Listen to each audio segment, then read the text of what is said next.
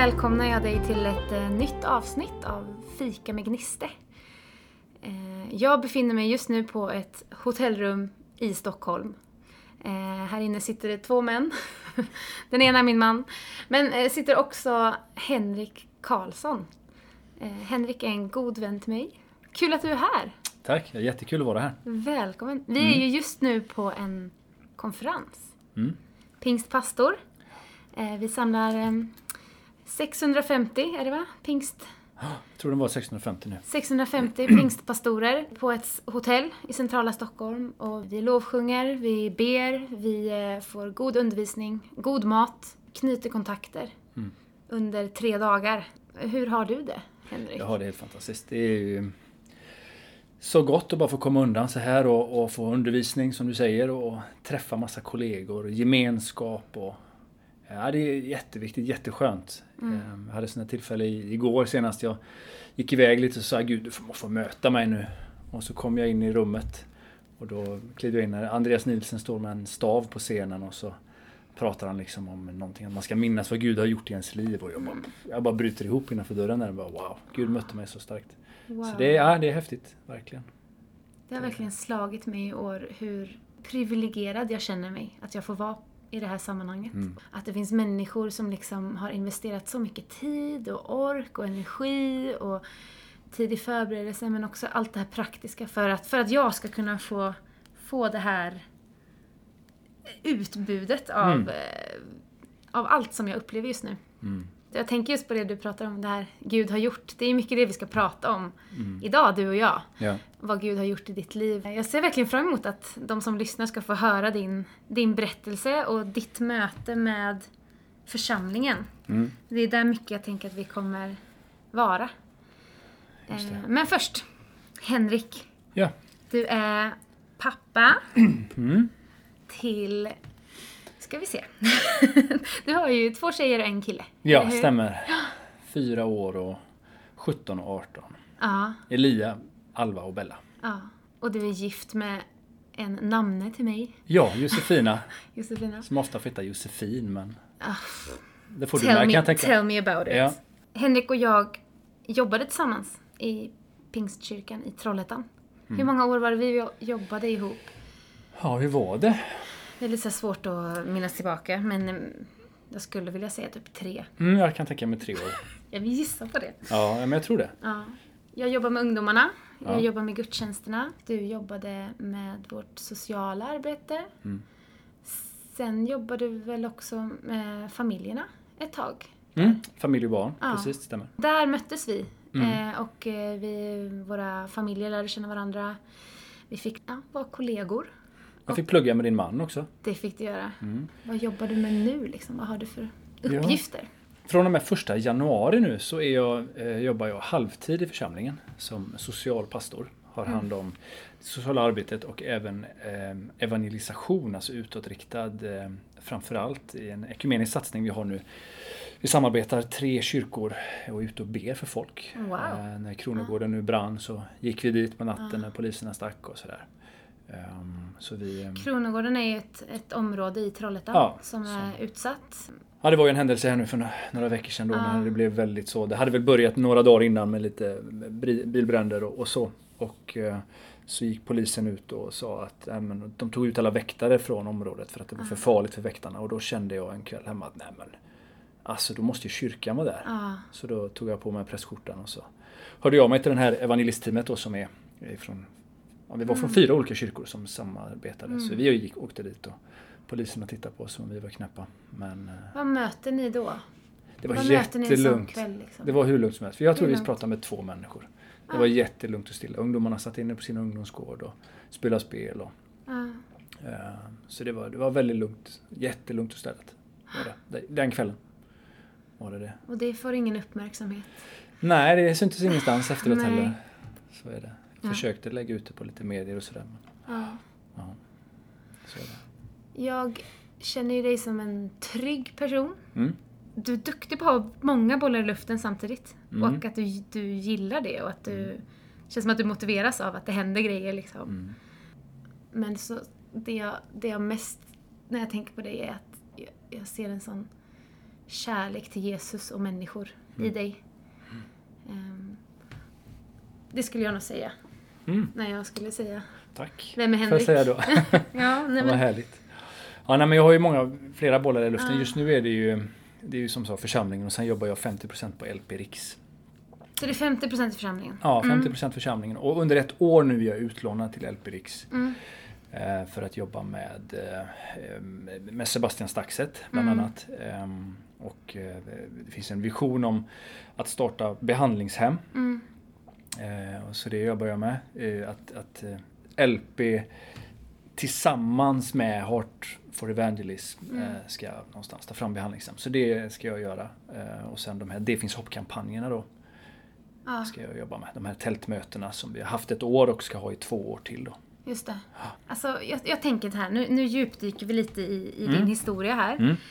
För det här, liksom, den här ytan som vi ser nu, det här trygga, pastorn, familjefan med stabil ekonomi. Eh, det har inte alltid varit så.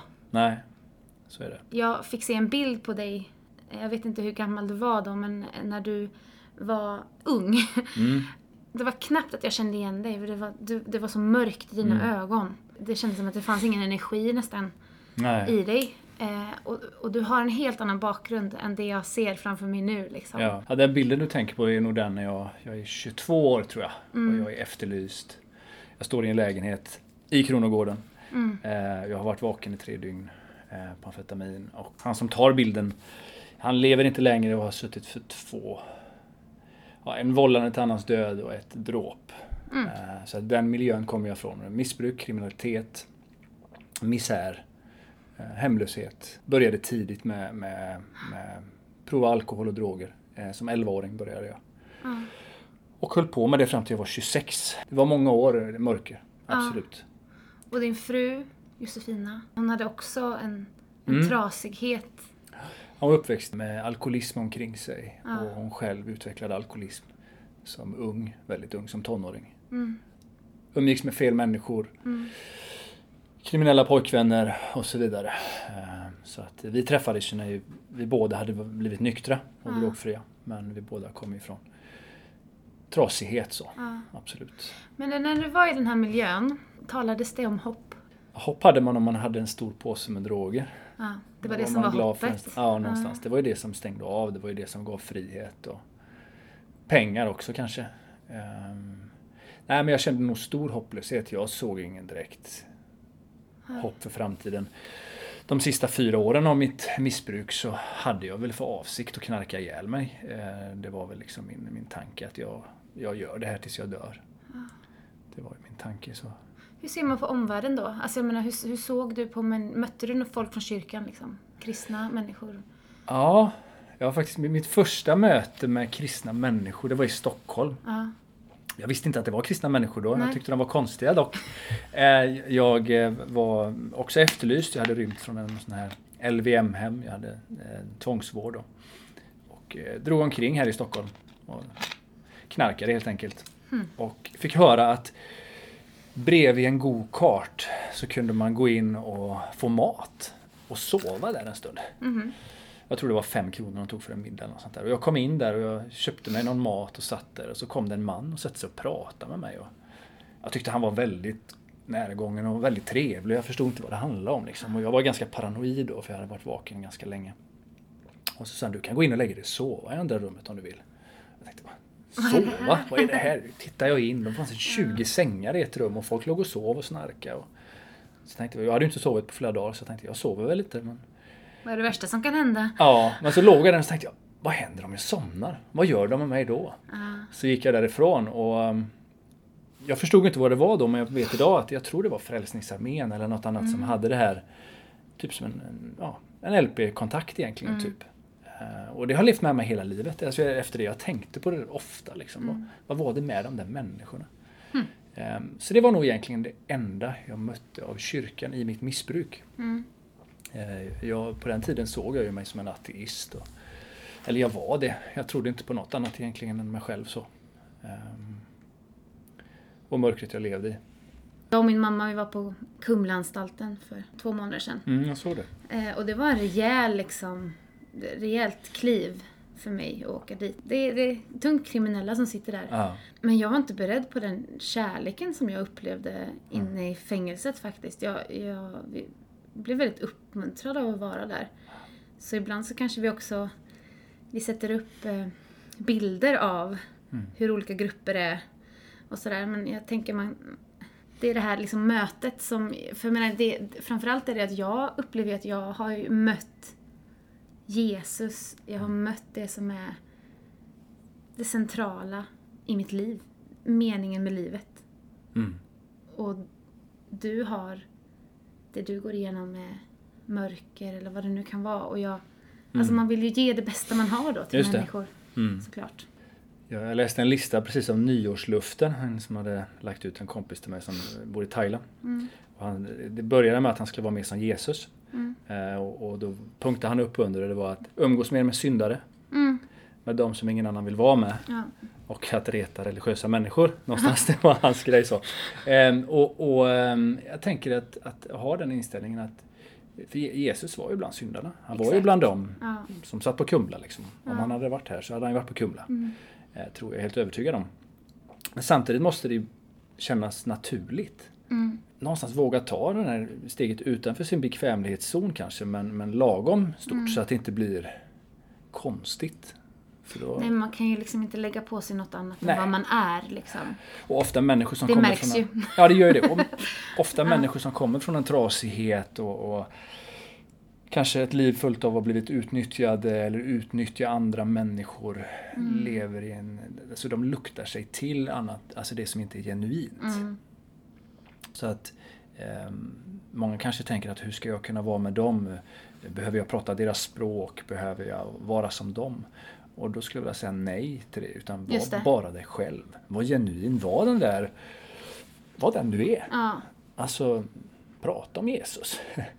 Men det måste väl ändå vara en nyckel, tänker jag. Att, eh, för många tänker, ja men då måste jag ta på mig andra kläder. Ja. Eller jag måste liksom börja säga ord som jag knappt själv Ja. förstår. Eller vad det nu kan vara. Men bara, nej fast genuin. Alltså, är, är du äkta Ja. så kan du prata precis hur som helst. Så tänker jag i församlingen också. Ja. Där kan vi också sätta upp eh, mellan generationer till exempel. Mm. Att eh, man tänker att vi behöver vara på ett visst sätt för att prata med någon som är yngre än mig. Eller, Mm.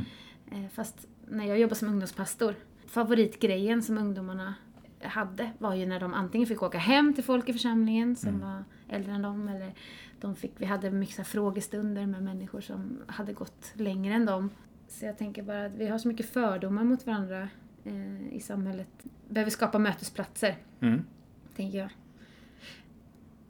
En stor del till att jag bjöd in dig idag är ju att ditt möte med Jesus och ditt möte med församlingen Mm. är en av mina, ska man kalla det, favorit, favoritmöten. Vad kan man säga? Men alltså jag, jag, jag tycker det, det, det talar så mycket om vad församling är. Mm. Och också om vad lovsång är. Mm. Hur du mötte församlingen i pingstförsamlingen i Karlstad. Mm. Eh, Så jag skulle så gärna vilja att du tar med oss Mm. till den liksom, tiden i ditt liv och det mötet och vad det gjorde med dig. Så här i efterhand så har jag ju reflekterat lite över vad som hände där i Karlstad. Under den där gudstjänsten och, och insett att det egentligen var en serie händelser som, som, som har kopplats samman. Och, Mm. Så då måste jag ta er tillbaks till när jag var kanske var tio år. Mm. Så hade vi en, en vikarie i skolan. Hon hette Hilka. Hilka. Hilka hette hon. det var första gången jag hört. Ja, Hilka. hon var fantastisk. Och det var strax före jul. Mm. Och då tände hon ett ljus varje morgon och så läste hon eh, lite, eller en morgon var det och läste julevangeliet för oss. Mm. Jag hade aldrig hört julevangeliet förut. Och så fick jag, jag tyckte det var en mysig känsla. Jag blev liksom lugn och kände mig liksom, ja, jag tyckte det var gött att lyssna på henne med sin finska brytning där. Mm. Eh, och, och sen då gick jag in i mitt liv som jag sa, jag började dricka när jag var 11 och allt missbruk. Och in och ut på behandlingshem, tvångsvårdsplaceringar och massa mörker och misär. Mm. Och så kom jag in efter mycket om och men på min sista avgiftning. Som inte var självklart för jag var portad på massa ställen. Och hittade i Göteborg på något som heter Nordhemskliniken. Och fick ett eget rum Hur eftersom... blir man portad från behandlingshem? Alltså, Ja, det var från eh, sjukhuset då. från sjukhuset? Akutpsykiatrin. De kan porta folk? Ja, de, Jaha. har du varit våldsam där inne så får du inte komma in. Nej, nej. Åtminstone inte på Näl i Trollhättan. Ja, det förstås. Ja, jag hade kastat möbler på en, en där inne och då fick jag inte komma in där mer. Nej, Nej. okej. Så jag fick komma in då på Nordhemskliniken och, och fick ett eget rum på grund av att jag hade varit våldsam. Mm. Eh, Och fyra dagar in på den avgiftningen så, så, um, så började abstinensen sätta in helt enkelt. Och um, då um, hade jag hört om Gud Mm. i alla olika behandlingar jag har varit på. Du måste be om hjälp utifrån och sådär. Så jag, jag, jag sa helt enkelt bara Gud om du är på riktigt så hjälp mig nu för jag, jag orkar inte mer. Mm. Och så tog det någon minut och så sa jag Jesus om du är på riktigt Mm. Hjälp mig för jag orkar inte det här. Eh, Hmm. Och så försvann abstinensen. Ett lugn kom in i min kropp. Och när jag tänker tillbaks på det så inser jag att det var samma lugn som jag fick när Hilka läste Lukas evangeliet. Mm. Och sen så ehm, Åren går och jag blir drogfri och jag stannar på en behandling för första gången och flyttar till Karlstad för min, min äldsta dotter bor där. Och eh, ehm, träffar Josefina då. Och vi, vi börjar eh, liksom, vi, vi, vi, flyttar ihop och jag är liksom jag skulle inte vilja säga att jag är kristen överhuvudtaget men jag har utvecklat en någon form av agnostisk tro. Mm. Glömmer av den här bönen lite grann och och så börjar jag söka mer och mer. Jag har en kompis i Örebro som säger till mig att nu vill jag att du ska be till den guden jag tror på, sa han. Mm. Eh, Gud i himlen. Så jag började göra det och, och bönen var Gud visa mig din vilja för mitt liv. Mm. Och så började han reklam för Bibeln på radio. Och I samma veva kommer Josefina hem, hon läser folkhögskola och så säger hon ehm, ehm, jag, ska, jag har fått en uppgift i skolan. Måste, vi måste köpa en bibel. För att eh, jag ska göra en uppgift, vad som skiljer Johannes evangeliet från Lukas, Matteus och Markus. Och jag bara, vad konstigt alltså, för att jag ber ju om att Gud ska tala in i mitt liv och överallt är det reklam om Bibeln och så kommer du hem och... Så vi köpte en bibel i alla fall och ingen av oss gick i kyrkan och så läste vi Bibeln. Och jag tyckte en del var konstigt men när vi läste så var det som att samma lugn, trygghetskänsla skulle jag vilja säga, infann sig när vi läste Bibeln ihop. Som på bönen på avgiftningen och när Hilka läste. Och sen så kommer min fru hem efter ett tag igen och säger att nu har jag fått en ny uppgift. Eh, jag ska se vad det är för skillnad på kyrkorna i Trollhättan, eller i, i Karlstad då. Eh, och första helgen följde inte jag med. Hon gick till Svenska kyrkan och jag följde inte med. Jag tyckte inte det var intressant. Och så bestämde jag att okej, nästa söndag följer jag med. Och eh, då bodde vi i Karlstad vid busshållplatsen. Så vi bodde väldigt nära katolska kyrkan men också väldigt nära pingstkyrkan. Mm. Och min fru ville gå till katolska kyrkan för hon är, hennes mamma är från Polen och. Mm. har den bakgrunden. Och jag sa, men snälla kan vi inte gå till pingstkyrkan? Alltså jag har hört att det finns mm, före detta missbrukare som går där. Mm. Ehm, och ehm, jag brukar säga att det är väl första och enda gången jag vinner en debatt med min fru. Ehm, för vi gick till pingstkyrkan. Mm.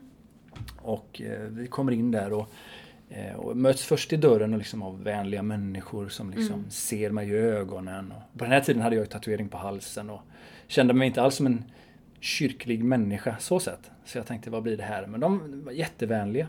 Och så kommer vi in på gudstjänsten. Och längst fram, alltså, lovsången är igång och, och jag, jag ser människor i alla typer och former och färger och klasser och allt vad man kan kalla det.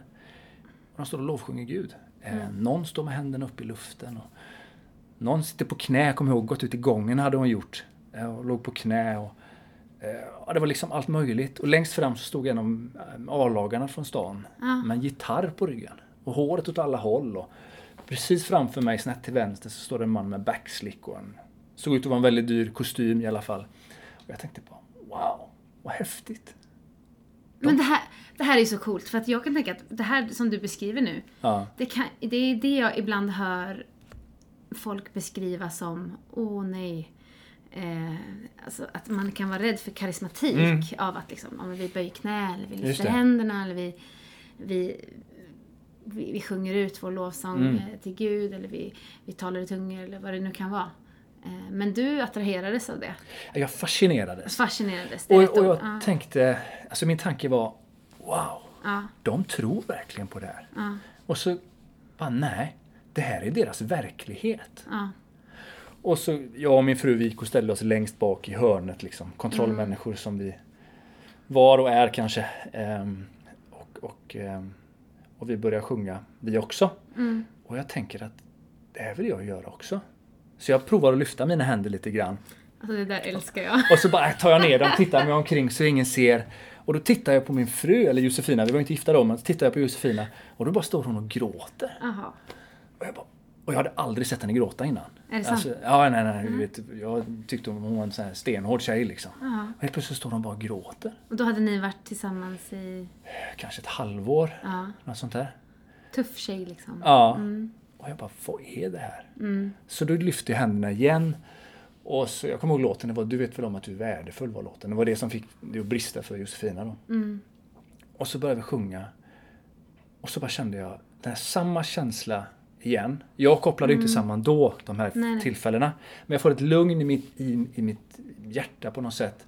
Och så känner jag bara Yes! Mm. Nu har jag hittat det. Det här funkar för mig. Mm. Ehm, och så tog jag ett beslut där. Att nej men jag, jag tänker gå den här vägen. Jag förstod ingenting, jag visste inte så mycket om Jesus överhuvudtaget. Men, men det, det fick mig att ta ett beslut att det här, den här vägen vill jag prova. Och, se. och så gick jag en alfakurs och, och sådär. Så det var en process för mig. Men wow, vi stannar här lite tycker jag. Ja. Eh, jag, förstår, du har ju delat den här berättelsen många gånger. Så du kan ju gå vidare. Men, men för jag, jag, jag älskar församlingen. Jag, Ja. jag, det här som du beskriver av att stå, stå sida vid sida med, med den som är ung, den som är gammal, den som har gått länge med Jesus, den som inte vet vem Jesus är. Eh, den som har mycket pengar på banken och den som inte vet hur den ska klara morgondagen.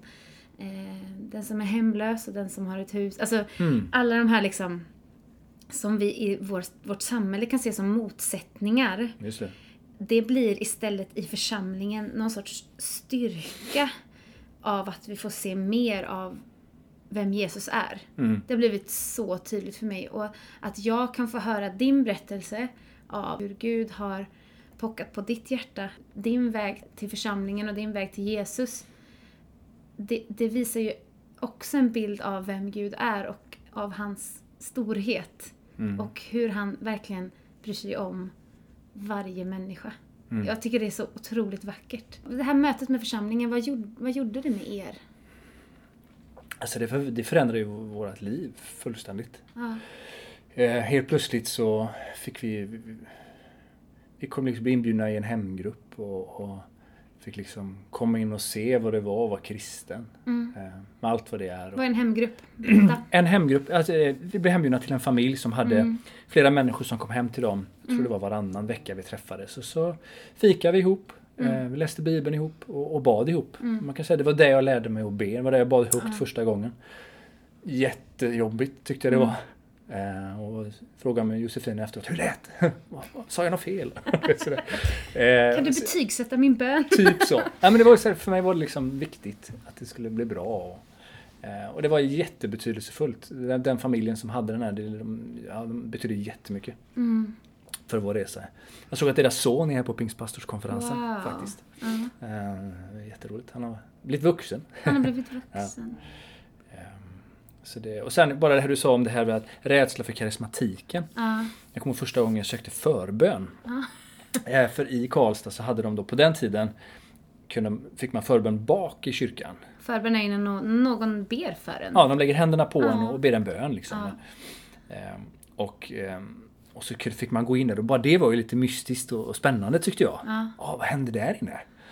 Ehm, och så kom vi in där och så var det frun i den här familjen faktiskt då Ja. som, som satt där inne. Eh, Anna. Och eh, så bad hon för oss. Ja. Och efter en stund så började hon tala i tungor. Lite tyst sådär. Och jag bara Wow! Det här är nog det här tungotal som jag har hört om. Och jag tyckte det var så fascinerande. Jag tyckte det var så spännande. Mm. Ehm, så jag tänker alltså i mötet med nya människor i församlingen. Vi, vi, ska inte vara rädda att vara de vi är. Vi ska vara Nej. genuina och äkta återigen. Ja. Och, och vara tydliga med det. Ehm, det är liksom, jag tror det är jätteviktigt. För mig var det jätteviktigt. Ja. Det är såklart att det är superviktigt. Vi ska ju aldrig gå över någons integritet. Absolut ska man aldrig inte. göra liksom. Men, men det här med att man ibland upplever att folk tänker att vi ska dölja vissa saker. Ja. Eller, eller tänka att ja, det får ske i andra rum eller vad det nu kan handla om. Mm. Ehm, jag tror precis som du säger. Alltså, vad, vi ska vara de vi är. De Ja. Gud har skapat oss till. Men det här, det låter ju som att du har, har, har en väldig nyfikenhet på, på livet ändå. Ja. Alltså jag menar, det är inte alla som kanske Mm. kommer in i en kyrka och bara wow, det där ser roligt ut, det vill jag också göra. Nej. Eh, nej. Det ju, kan ju också vara det här att, men va, det där ser konstigt ut, varför gör de sådär? Kan jag tänka mig. Mm. När jag möter människor som kommer till en, eh, de kyrkorna jag har varit med i, så är det ofta så här, men vad glada ni är. Ja, just det. Det tycker jag ofta är den responsen liksom. Vad, vad glada ni är. Då kanske man har en bild av kyrkan, vad den ska vara eller... Och så möts man av något annat. Mm. Ehm, Ja, det var det. Mötte, just som du säger, vad glada Mm. människor var. Och att de var intresserade av mig. mm. Eh, Det var sådär konstigt. Kändes jag. det påträngande? Det kändes ovant. Ovant? Och min första tanke var, vad vill de ha av mig? Just det. Eh, Så. Att det var, Eh, det- när kommer fakturan? Ja men lite så. Och, och, men det kanske är också jag kommer från den, den värld jag kommer ifrån liksom där, där em, liksom, människor som manipulerar liksom, är det. duktiga på att lyfta upp en och så. Så att jag, jag hade ju liksom en misstänksamhet med mig in i det. Eh, som kanske kommer av den trasigheten jag kom från. Mm. Men jag märkte ju ganska fort att det inte var så. Men det var min, min första respons var Oj, vad är det här? Mm. Eh, men sen så märkte jag ju fort att det inte var så. Mm. Men eh, visst fanns den vaksamheten. Men idag är du, du är pastor. Får jag fråga dig lite, liksom, hur, hur är din syn på lovsång och tillbedjan? Mm. Vad, vad tänker du är liksom, som pastor, Mm. vad är ditt, eh, vad är ditt ansvar Mm. i lovsången och tillbedjan i församlingen? Jag tänker som, som pastor eh, när, när jag... Alltså, att, att visa vägen, tänker jag. Lite grann. I min tillbedjan. Mm. Ehm, För församlingen? Liksom. Ja, alltså när jag kom där till Karlstad till exempel. ehm, Det jag såg där då, alltså den här... Att folk gav sig liksom till, till lovsången på ett sätt med uppsträckta händer ner på knän. Mm. Det var ju jättebetydelsefullt för mig och det visade ju vägen för mig. Annars hade jag ju aldrig lyft mina händer. Så Nej. hade kanske det där mötet aldrig... Det hade inte skett då i alla fall Nej. kanske. För jag hade inte förstått. Så jag tänker att som pastorer så visar vi vägen med hur vi, hur vi lovsjunger Gud. Mm. Eh, Gör vi det bara för att göra det? Mm. Eller gör vi det med hjärtat? Eh, Sen kanske man inte behöver händerna upp om det känns konstigt men, men alltså att Mm. det man utstrålar i sitt sätt att, att lovsjunga, jag tror det är viktigt för oss att göra det. Jag tror vi har ett ansvar där. Mm. Att, att visa vägen. Verkligen. Exakt. Det tror jag. Vad skulle du säga att lovsång är för något? Oj, lovsång är så mycket tänker jag. Det är tillbedjan, eh, det är lovprisning, det är mm, ett sätt att någonstans inse att Gud är där. Mm. Eh, Vi pratar ibland om att eh, lovsjunger Gud så öppnas himlen, men den är ju alltid öppen. Men jag tänker att lovsången hjälper oss att inse det. Att Gud är här och Gud är närvarande. Jag var ju utomlands och jobbade här för ett tag sedan och Exakt. i en församling som inte var en pingstförsamling. Där vi eh, till I exempel, Thailand. I Thailand, ja precis. Där vi ofta avslutade mötena utan lovsång. Predikan slutade och sen var det stanna kvar om ni vill prata med äldste, vi står här om ni vill. Så. Och det var så här, för mig bara mm. saknades en del av min gudstjänst. Mm. Eh, Det var- intressant. Ja. det gick jättebra Ja. att ha det gudstjänst så. Ja. Eh, fungerar absolut hur bra som helst. Och det var en församling där pastorn där han hade en vision eller en tanke om att vi aldrig skulle vara bundna av traditioner. Så varje gudstjänst såg annorlunda ut. Okej. Ja, vi kunde börja med predikan också. Ja, ja, Och sen kom lovsången. ja. okej. Eh, Och sen hade vi, det var liksom, så varje vecka såg det annorlunda ut. Så man, han, Det här snackar om att lovsångsledarna får vara on point liksom. Ja, på tårna. absolut. Så varje vecka så beslöt vi liksom, okej. Så fem Okej. veckor framåt låg vi i tiden och så tänkte vi, försökte vi tänka kreativt. Vad gör vi den söndagen? Vad gör vi den Okej. söndagen? Vad gör vi den Det söndagen? låter ju ungefär tvärtom mot det mesta jag hör här i Sverige av kyrkorna. tänker man, vi ska skapa kontinuitet, Ja. folk ska veta vad de kommer till. Men hur, okej, hur Han togs det emot då? Nej, det var ju... Jag tyckte själv det var annorlunda i början. Ja, Men det funkar ju alldeles utmärkt. ja. Eh, Det blir någonstans tydligt, vad är det det handlar om? Och vad är det det handlar om då? Tillbe Gud, Tillbe möta Gud. Gud, tänker Mm. jag. Eh, Att lära sig om Gud och möta honom. Sen hade vi ju alltid lovsång, vi hade Mm. fantastisk lovsång. Ehm, På samma sätt som vi gör här. Det var bara att den inte alltid var upplagd som vi har det. Mm. Att den skulle bygga upp någonting kanske. Eller, Mm. eller, eller leda oss i, i en förbönsstund och sådär. Men att den var liksom ändå där som ett lovsångspålägg pass där vi lovprisade Gud och Mm. lyfte upp han. Det fanns ju alltid med. Mm. Eh, Men inte riktigt som vi... Berätta om skillnaderna, det tycker jag är intressant. Alltså Ja. om du skulle, du skulle ställa thailändsk lovsång Mm. versus svensk lovsång. Vad skulle du liksom... Nej men alltså jag trivs ju i, i det vi har här. Ja. Eh, Jag gillar ju och, och som predikant så gillar jag ju att, att, att landa en predikan i en inbjudan och Ja. liksom bygga upp min predikan till att få människor att möta Jesus. Mhm. I, i, antingen om det är första gången eller liksom att få dem att ta ett steg till i sin tro. Och, Mm. och då tycker jag ju lovsången är en fantastisk sak att, att landa i och att Mm. människor någonstans får fortsätta undervisningen i, i lovsången. Så när vi var där nere så bad jag ofta, men jag, jag vill ha en, en closing song. Alltså Mm. jag vill ha en closing song till min predikan. För att jag menar, jag kände att det liksom landade predikan på ett Mm. så bra sätt i människor tycker jag. Eh, Så jag tyckte det saknades något, det haltades när det var så. Ehm, Men det var intressant och det var ett annat sätt att göra det på. Och det funkar också, Mm. absolut. Ehm, ja. Jag tycker det är så intressant för att man, man gör ju utifrån sin, liksom, eh, sitt synfält där man står, man lär sig av de som har gått före. Så man är ju så liksom, när man kommer utomlands, eller det räcker ju kanske med att åka till en annan församling, Mm. Så vidgas ju ditt perspektiv av, aha, man kan göra så här också. Det är Just liksom mitt möte tycker jag med, när jag gick bibelskola. Så var det så här, jag, fick, jag fick nära vänner från alla samfund. Eh, det. Och det, det var så nyttigt för mig Mm. att bara så här vidga mitt perspektiv av eh, vem, hur Gud, eller hur vi kan ha gudstjänst och liksom den, vem, vem är kristen och, Mm. och, och alla de här sakerna, att man liksom inte boxar in. Nej. Jag tänker eh, bara inflika med en Mm. sak som jag glömde förut när du frågade vad lovsång var. Mm. Som jag har suttit och tänkt på nu lite.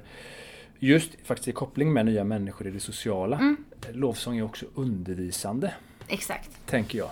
Eh, Och jag tycker, se det de sista kanske två, tre åren har det kommit mer undervisande Ah. nya lovsånger. Mm. Vilket jag tycker är väldigt bra. Mm. Eh, Så det, det, jag bara vill flika in det att det är undervisande också tänker jag. Att det bör vara det. Precis, Eh, och det är ju en otrolig hjälp tänker jag med nya människor, Ja. eh, nya i tron, människor som är trasiga sedan innan. Mm. Att få komma till en församling där man sjunger ut sin teologi Ja. eh, är ju verkligen något att hålla fast vid Mm. som, en, eh, som ny. Och också det här, ibland kan jag tro att vi kan vara rädda för att saker och ting ska väcka frågor. Mm. Men jag kan tänka att det är tvärtom. Att någon blir så här nyfiken på bara, varför sjunger vi att liksom, om det där? Eller varför är det viktigt? Eller varför kommer det där återkommer i alla sånger? Vad betyder halleluja egentligen? Varför Mm. sjunger vi det? Eh, det väcker nyfikenhet. Ja. Vi behöver inte vara rädda för att folk får frågor. Det viktiga är att det finns någonstans att ställa sina frågor vidare sen. Just det. Jag håller på att skriva en sång nu med fyra norrmän om treenigheten. Mm, spännande. Eh, och vi har bara varit så här, vi behöver, vi har tagit in liksom teologer för att, för att, för att grunda den här sången. Eh, för man känner också så här, oj vad viktigt det är att det blir rätt. Vi kan inte sjunga ut fel. Alltså, Nej. om vi skriver en text som faktiskt har liksom felaktigheter i sig rent teologiskt Ja, så missvis, alltså vi leder folk vilse. Mm. Där vill man ju inte hamna. Nej. Till avslutning nu Henrik så ska du få dela, det här frågar jag alla mina gäster. Ja. En textrad eller en sång som har varit betydelsefull för dig Mm. eh, nu eller bakåt sett. Mm. Något som har liksom ploppat upp. Mm. Mm. Eh, Det var den eh, Tusen skäl, eller 10,000 reasons, när den kom. Det är också roligt att det är 10,000 reason på engelska. Ja. I Sverige behöver vi bara tusen skäl Ja, precis. att prisa. Ja. Den, var, det var, den tog mig väldigt hårt, när- eller väldigt, Ja. sådär, jag älskade den när den kom och, och, och sen så nu vi var i Thailand så kom en man till församlingen, han hette Gordon, han var från Skottland och eh, han hade cancer. Han skulle dö. Ah. Så han kom och sa att han ville döpa sig. Mm. Och så stod jag och min kollega Kero och pratade med honom och sa, tror du på Jesus då? Mm. Jag vet inte. Nej men det är ju ändå liksom någonstans, fortsätt kom så kan vi prata om Mm. det här. Och sen blev han väldigt sjuk eh, och blev liggande så jag åkte och träffade honom en gång i veckan och vi pratade och sådär om tro fram och tillbaka. Och, ehm, och, och, ehm, till slut så sa Gud till mig att du ska ge den här låten 10,000 reasons till honom och be han lyssna på den. Mm. Och eh, han, han tog emot det och han och hans fru eh, låg och lyssnade på den på kvällen, när jag, eller på eftermiddagen när jag åkte därifrån. Och, och de började gråta båda två. Och eh, nästa gång när jag kom så um, så satt vi där och det kom vänner till han och det var, varje gång jag var där så var det som att det fanns någon motståndare till, till mig som inte ville att jag skulle bli ensam med han. Mm. Så vi fick aldrig läge att be. Men den här gången så sa han efter en stund, jag vill att ni alla går. För jag vill vara själv med Henrik. Mm. Och så gick alla och så sa han att nu vill jag be till Jesus. Mm. Uh, och, och, den sången någonstans, den, den är ju en rad där att och, i, jag ska få sjunga i evigheter lång. Liksom. Mm. Um, just det eviga hoppet liksom. Mm. Så den sången ledde han på ett sätt till tro. Uh, och att få vara, fick vara med han och liksom mm. be med han till frälsning och så dog han en vecka senare då. Uh, det var... Och nu är han med Jesus. Nu är han med Jesus. Liksom. Wow. Ja. Så det var, ja, det var starkt. Verkligen. Så den låten, ja, jag älskar den låten. Verkligen. Eh, och på den dag när din kraft flyr undan när slutet nalkas för dig en gång mm. Då stiger mitt lov och min själ ska sjunga i tusen år och evigheten lång. Nu står den där och tillber ja. med änglarna. Och det någonstans fick både han och hans fru att landa i, ja men det är okej. Okay. Ja. Och kanske mer hans fru. För hon ville att han skulle vara kvar. Ja, hon ville att vi skulle be för helande, men han ville inte det. Nej. Nej men jag är klar. Så. Eh, och de landar båda liksom i tryggheten i det som, som vi har efter det här livet. Liksom. Wow. Så att, ja. Så det är en, en stark sån. Men du, eh, Henrik. Tack för att jag fick eh, sno dig här på pausen. Nu ska du springa iväg och äta middag med härliga människor. Ja. Och eh, vi ska ha kvällsmöte ikväll och eh, hälsar vi eh, hejdå till alla som lyssnar. Ha en eh, god kväll. Eller dag. Hejdå Henrik! Hejdå!